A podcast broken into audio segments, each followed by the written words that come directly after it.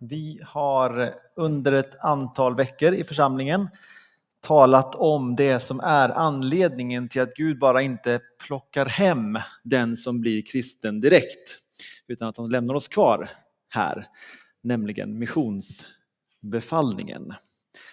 Det som är uppdraget som alla kristna får, att dela med sig av det som vi själva fått ta emot. Så jag vill inleda med att läsa den tillsammans med er. De elva lärjungarna gick sedan till det berg i Galileen dit Jesus hade befallt dem att gå. Och när de såg honom föll de ner inför honom, men några tvivlade. Då gick Jesus fram till dem och sa jag har fått all makt i himlen och på jorden. Gå därför ut till alla folk och gör dem till mina lärjungar. Döp dem i Faderns och Sonen och den helige Andes namn och lär dem att följa allt som jag har befallt er. Och jag ska alltid vara med er ända till tidsålderns slut. Jag vill börja med att lägga den här stunden i Guds händer. Tack Herre för att du är här, mitt ibland oss. Du känner oss så väl, så mycket bättre än vi känner oss själva. Du vet vad vi är i livet, vad vi står i och vad vi bär på. Tack för att du är större Gud. Tack för att du vill möta oss just nu och tala in i vår situation, in i våra liv. Hjälp oss att våga bli utmanade idag, att inte vara hårda mot ditt ord utan vara öppna för det som du vill peka på den här stunden. Vi lägger den här stunden i dina händer. I Jesu namn. Amen. Vi har talat om att gå ut i hela världen, att göra lärjungar, att döpa dem. Och frågan jag vill ställa den här morgonen är, vem är det som gör lärjungar? Vem är det som gör lärjungar? Och kanske tycker du att det är ju en självklart svar på den frågan. Det är ju som vi sagt de kristna som fått missionsuppdraget. Det är vi som ska utföra uppdraget. Men jag vill fokusera en stund idag på det som Paulus illustrerar väl när han skriver Jag planterade, Apollos vattnade, men det var Gud som gav växten. Och så sammanfattar han, vi är medarbetare med Gud. Vi är medarbetare till Gud. Det vill jag tala om. Det här kommer från första Korinthierbrevet kapitel 3. Så svaret på frågan, vem gör lärjungar? Är hela Guds folk i samarbete med Gud själv. Och det här syns såklart tydligast i Matteus 28, missionsbefallningen, där det står Jag har fått all makt i himlen och på jorden. Därför ska ni gå ut och göra mina, folket till mina lärjungar. Och så avslutar han med att säga jag är med er alla dagar tills, tills tidsålderns slut. Så här är det tydligt, Guds folk, inte själva utan tillsammans med Jesus gör lärjungar. Men här finns det en del av det här som jag tror att det kan vara enkelt att förstå i teorin men som kan vara svårare att förstå i praktiken. För även om vi hör de här orden, hela Guds folk tillsammans med Gud, så tror jag att vi ibland tenderar att höra vissa kristna gör lärjungar tillsammans med Gud. Missionärer, de gör lärjungar tillsammans med Gud. Pastorer, de gör lärjungar. Eller bara socialt utåtriktade kristna, de gör lärjungar tillsammans med Gud. Och jag tror att den här bilden har sina rötter, eller den här tanken har sina rötter i två anledningar. Antingen på grund av dålig teologi som funnits i den kristna kyrkan väldigt länge, där man tänker att det är vissa människor som är ansvariga för att utföra Guds arbete. Eller bara en avsaknad av teologi där församlingen blir ett företag snarare än en kyrka. Och en pastor som beskrev det här, han sa så här. Äldste i församlingen blir styrelsen för företaget. Pastorerna blir de som arbetar och som utför styrelsens plan och medlemmarna de är investerarna som kommer en gång i veckan för att se hur det går för deras pengar. Min poäng är inte att det är så här i den här kyrkan. Och jag tror att pastorn som sa det här överdrev. Men det finns någonting som vi kan vaka över här. Och det här är en frestelse som vi behöver skydda oss för och arbeta emot. Den här företagsmodellen när det kommer till att göra lärjungar. Och istället arbeta för en biblisk modell av att göra lärjungar, både i teorin och i praktiken. Som är, Vadå? Jo, att hela Guds folk gör lärjungar tillsammans med Gud själv. Och då kommer såklart den naturliga följdfrågan, hur ser det här ut då? Och svaret är att det ser ut som dig och som mig och som individer.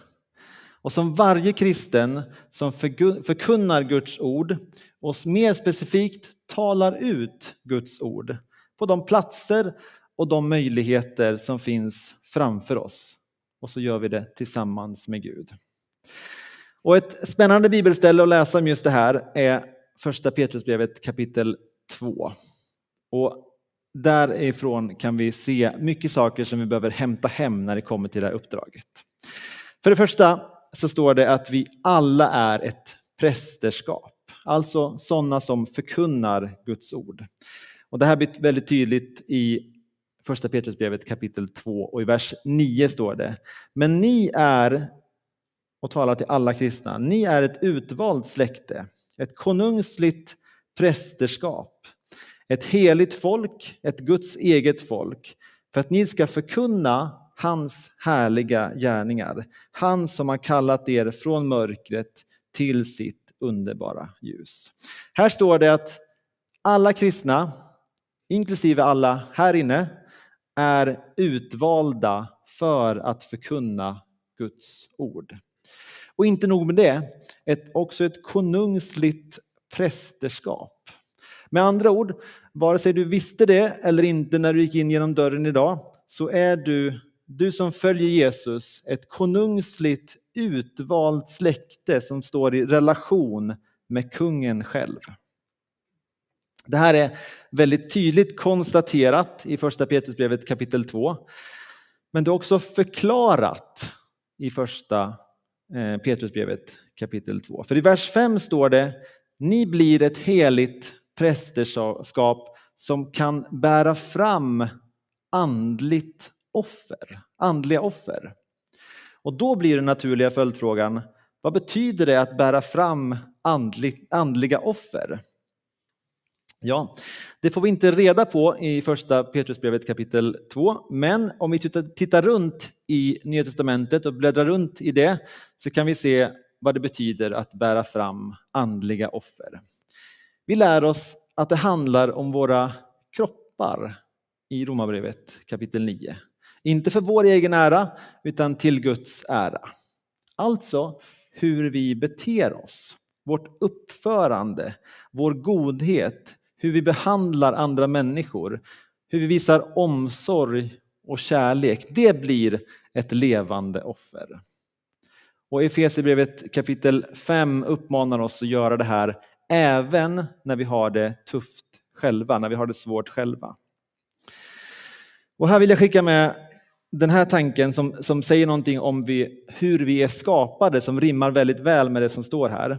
För forskning visar att det finns en väldigt tydlig koppling mellan stress, oro, depression och att människor ofta pratar om sig själva och refererar till hur jag mår. Alltså man ser en ökning, desto mer eh, negativa eh, psykologiska effekter man ser i människor, desto mer refererar man till sig själv.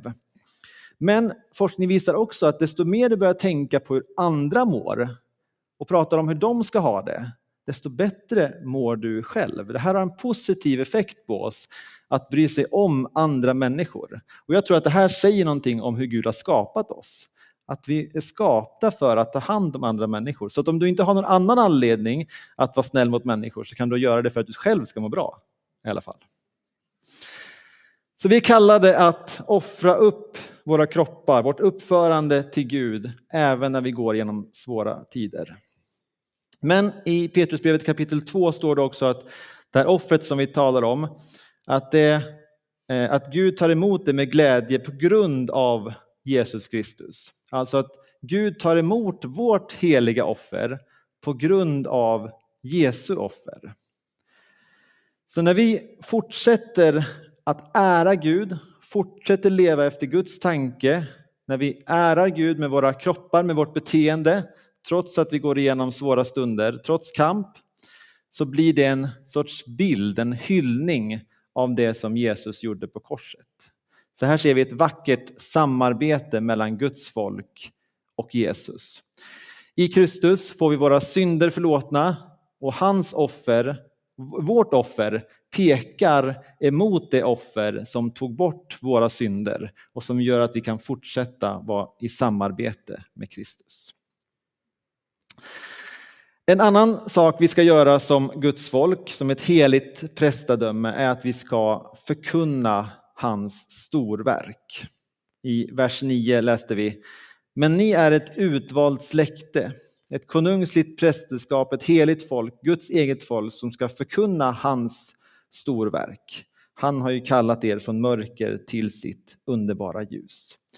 Vilket är det storverk som vi ska proklamera? Det är evangeliet såklart. Självklart också vårt eget vittnesbörd, men i relation till det stora storverket. Att förlåtelse och evigt liv finns för den som tror.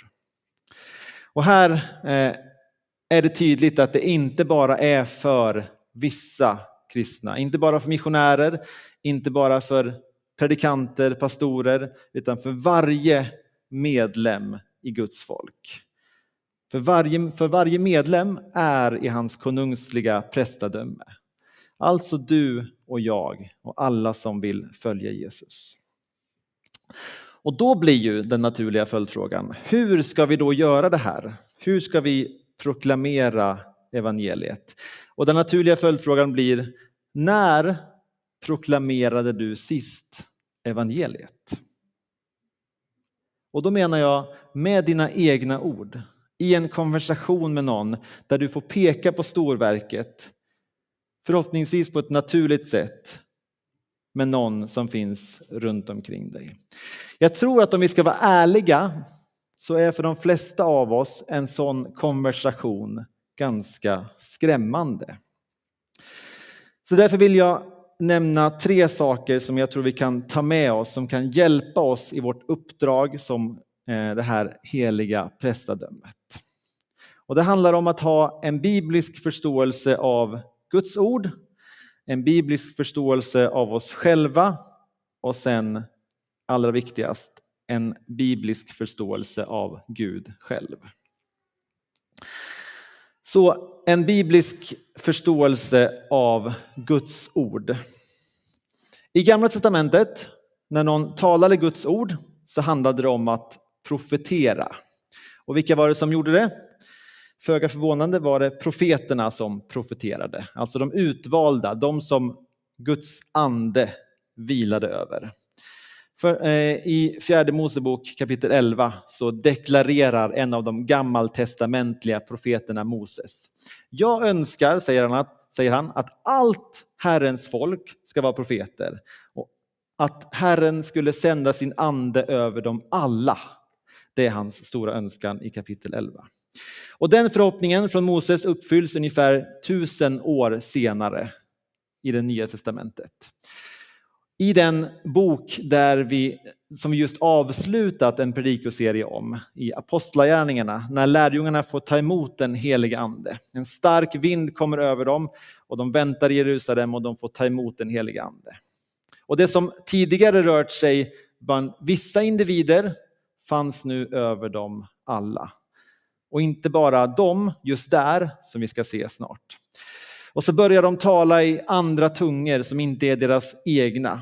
Människor befinner sig där som talar andra språk, eh, som, in, som antagligen lärjungarna inte talar.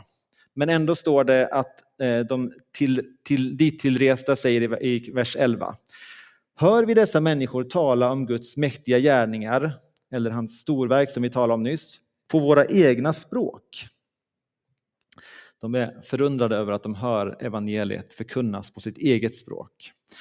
Petrus kommer sen och förklarar att den här stora dagen, det här som Moses hade hoppats på flera hundra år, århundraden tidigare, var uppfyllelsen av Joels profetia i kapitel 2. Där, som en har uttryckt det, den demokratiska utgjutelsen av andefyllt tal skedde. Vad betyder det ens? Jo, den dagen då anden föll. Inte bara på Petrus, som man kanske skulle tro var den som skulle få ta emot helig ande.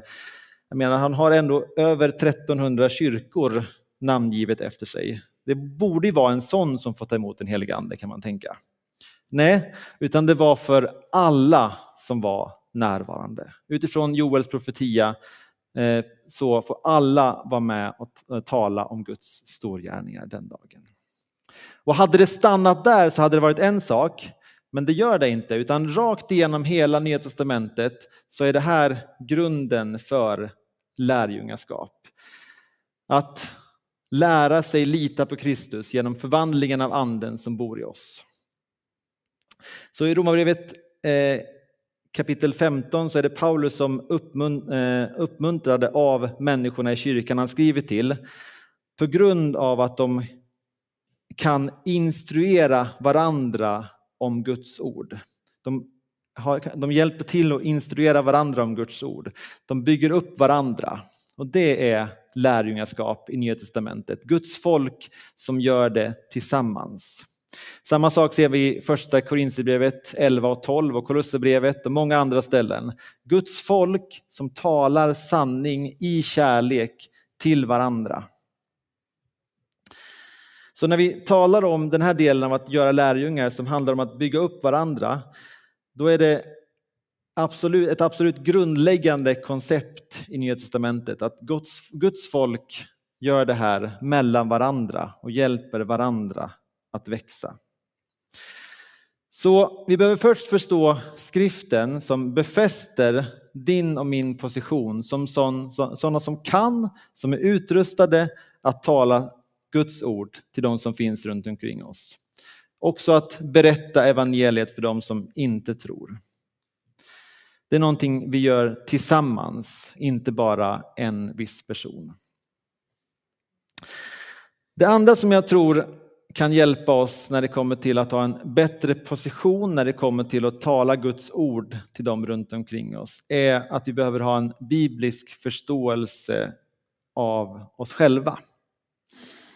Och här tror jag att ett av problemen, om vi ska vara ärliga, är att evangeliet, om vi ska ta Guds ord på allvar, är en dårskap för den som inte tror. tror.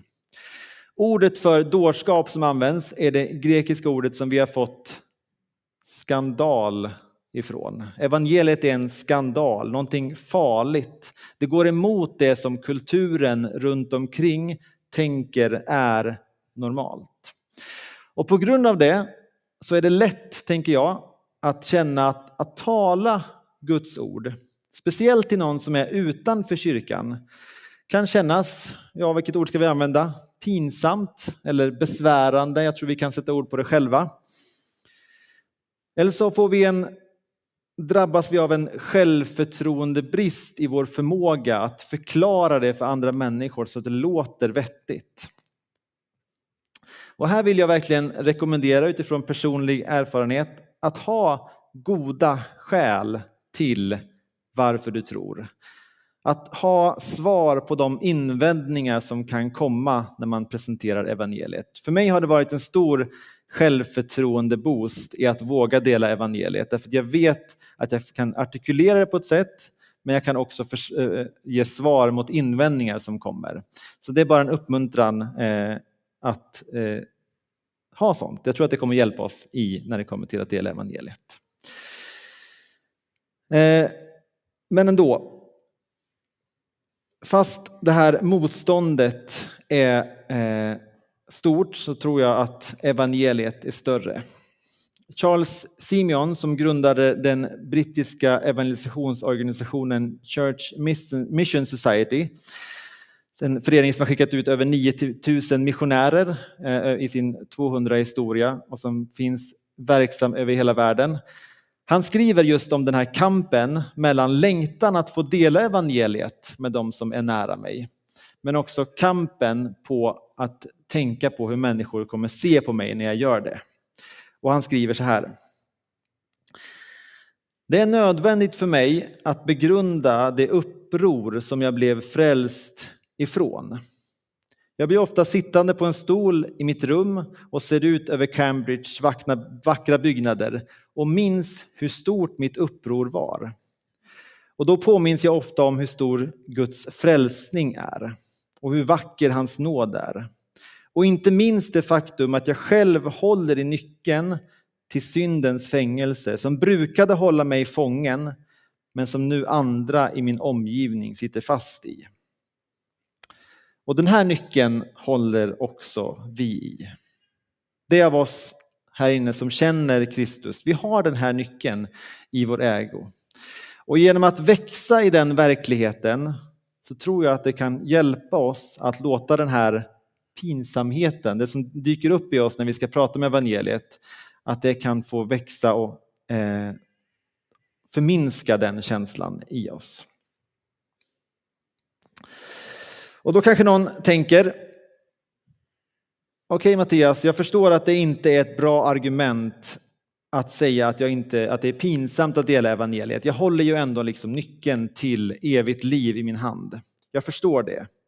Men faktum är att jag inte har speciellt mycket självförtroende när det kommer till att dela evangeliet. Jag litar helt enkelt inte på min egen förmåga att prata om det här budskapet. Och då tror jag som sagt, som jag sa, att det kan hjälpa oss att ha goda skäl till att veta var, varför vi, det som vi tror är sant. Men jag tror också att det finns något annat vi kan göra. Och det är att jag tror att vi behöver ibland omformulera evangeliet. Och då menar jag inte att vi ska ändra på innehållet, absolut inte. Men jag menar att vi ibland får bilden av att evangeliet är något, något sånt som predikas från en scen. Eller så har vi läst i en bok med fina ord och så vet vi inte hur vi själva ska uttrycka det. Eller att lärjungaträning görs av de som är anställda i kyrkan. Men som vi har sagt genom den här predikan, som jag har sagt, så är det tydligt i Nya Testamentet att det här är någonting som Guds folk gör tillsammans, tillsammans med varandra.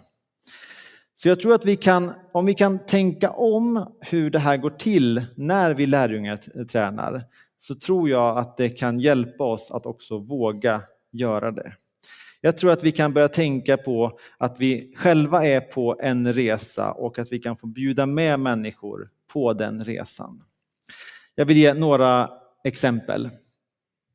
När min familj till exempel är på besök, som inte är troende, det är bara jag i min familj som har valt att eh, följa Jesus, då gör vi det till en Eh, bestämd punkt att vi ber alltid vid maten. Även om det kan kännas obekvämt, speciellt om min pappa är på besök, så gör vi det ändå. För det är en form av lärjungaträning. Vi får visa för våra barn att vi ber även, in, även med andra människor. Och jag får tala in, när jag ber, Guds sanning in i mina föräldrar, min släkts eh, liv på det sättet. Eh, när ett ämne diskuteras på jobbet så kan man få komma med det kristna perspektivet. Så här tänker jag om det här. Och det blir ett sätt att lärjungaträna.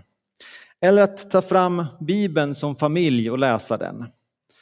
Eh, man kan ge möjlighet till tankar, funderingar, men kommer inga sådana så har man ändå läst Guds ord tillsammans. Det är en form av lärjungaträning. Att vara med i en hemgrupp är ett självklart exempel som läser Bibeln tillsammans och ber tillsammans. Det är också lärjungaträning och någonting som jag tror vi behöver se mer av i vårt sammanhang. Att se runt omkring sig och fundera på vem kan jag visa eh, det som jag kan? Även om det, vare sig det är musik, tjänande, förbön, teknik, att ta med någon i det som man gör, det är lärjungaträning. Och det är alla kristnas uppgift. Ett annat exempel, jag var ute för ett tag sedan eh, och åt mat med några av mina kompisar. Vi har två stycken i vårt kompisgäng som fyller år eh, samtidigt, så vi har gjort det till en återkommande grej att eh, träffas och äta mat tillsammans. Och senaste gången vi gjorde det så hade vi satt oss ner på Brooklyn Burgers för att äta mat tillsammans. Och så kom det en annan person in, en objuden gäst dök upp. Och jag hann tänka tanken, men Det skulle ju vara vi här nu bara. Det skulle inte komma någon annan. Jag vill vara det här gänget liksom. Men eh, min kompis han, han säger innan jag hann tänka klart den tanken. Hej, vi ska precis äta. Vi har inte bett än. Du får gärna hänga på. Och den här eh, kompisen då var inte, var inte troende. Och så bad han, tackade Gud för maten, tackade Gud för den här nya gästen och med, på ett språk som den här eh, killen förstod och som ändå var i linje med, med Guds ord. Eh, och där, inte på en scen, utan på Brooklyn Burgers, så lärjungatränade han den här killen med Guds ord. Och han lärjungatränade mig att förstå att mina tankar som jag hade om den här objudna gästen inte var Guds tankar om den här personen. Så där vi är eh, kan vi lärjungaträna. Jag vet ett par där jag kommer ifrån i, från Leksand som ofta bjuder med sådana som de vill investera i till hockeymatcher eh, och ta med dem dit och där kan de få eh, investera i den här personernas liv.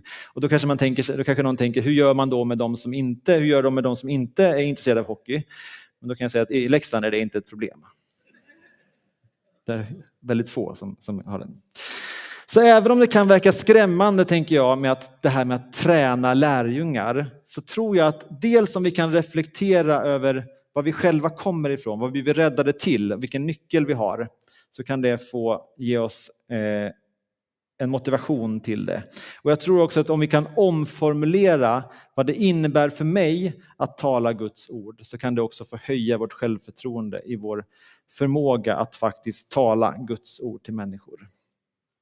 En nytestamentlig forskare som jag läste inför den här predikan sa den nya testamentliga modellen för lärjungaträning är inte formen av ett klassrum.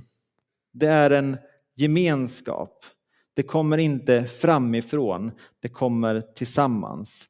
Där alla är lärare och alla är elever som lär sig tillsammans.